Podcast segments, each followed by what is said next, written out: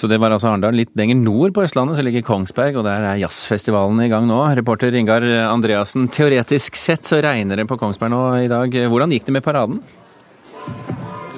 Du, Det gikk akkurat med et uh, skrik. Det kom noen få drypp, men uh, det holdt seg rimelig tørt uh, helt til kulturministeren hadde fått åpna festivalen her.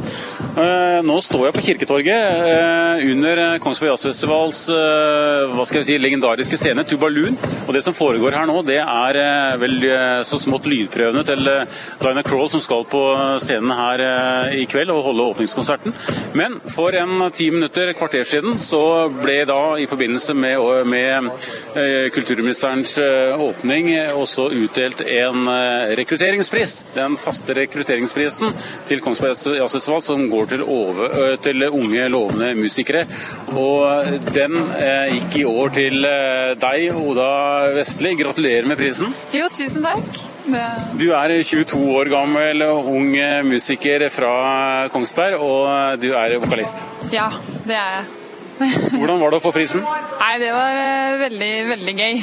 Veldig overraskende og morsomt. ja. Fortell litt om eh, hva du driver med akkurat nå. Eh, akkurat nå så driver jeg med jeg driver musikk. Eh, jeg spiller i to band. Et eh, elektronikaband eh, som heter Pan. Og så spiller jeg i en visepopduo som heter Vincent. Mm. Tor Dalaker Lund, dere har holdt på, du er leder i programkomiteen som også er juryen for denne rekrutteringsprisen. og Dere har holdt på å dele ut disse prisene siden 2005. Eh, det bare dukker opp nye talenter eh, på rekke og rad her i Kongsberg? Ja, det er ganske merkelig. Det var ett eneste år vi ikke delte ut uh, pris, men til gjengjeld så har vi delt ut to priser et annet år, så vi har holdt kursen. Ja, Det er vel ganske overraskende at det er så mange talenter i byen her. Men jeg vil jo jeg vil jo si da at eh, jazzfestivalen og jazzmiljøet i det hele tatt må ha vært stimulerende for mange. Kongsberg Storband f.eks. har jo eksistert i lang tid. Jazzklubben, jazzfestivalen. Alt det der har nok betydd noe. Oda, hvordan begynte du med musikk? Nei, det var eh, egentlig pappa som spilte gitar, som ville at jeg skulle spille gitar. Så han kjøpte en liten gitar til meg, så... men den ville jeg ikke spille på. Så jeg kjøpte meg et keyboard for konfirmasjonspengene, og så ble det keyboard og låtskriving på jenterommet, da. Mm. Og så eh, fikk jeg jo Ja. ja så barn... Jeg på barnekor på Åsen og Kongsberg Pikekor. Men jeg syntes også det var litt kjedelig, så da droppa jeg det. Så det ble etter hvert musikk på ungdomsskolen på musikkvalgfag, da.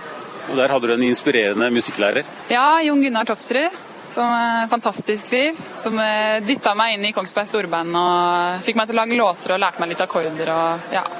Og siden så har det vært eh, musikklinje på folkehøyskole, og da bestemte du deg for å bli musiker? Ja. Da gikk jeg på Toneheim folkehøgskole og tenkte at dette Hvorfor skal jeg ha en kontorjobb når jeg kan gjøre dette? og eh, hva skal du bli? Jeg skal jo bli musiker. Ja ja. Musiker blir det. Ja. hva er drømmen, da? Hva, hva ser du for deg? Ja, drømmen er vel egentlig å kunne lage den musikken jeg har lyst til å lage, og også kunne leve av det. Mm. Da bare gratulerer med prisen enda en gang, og lykke til med karrieren videre. Tusen hjertelig takk. takk skal du ha, Ingar Andreassen. Kos deg på jazzfestivalen på Kongsberg.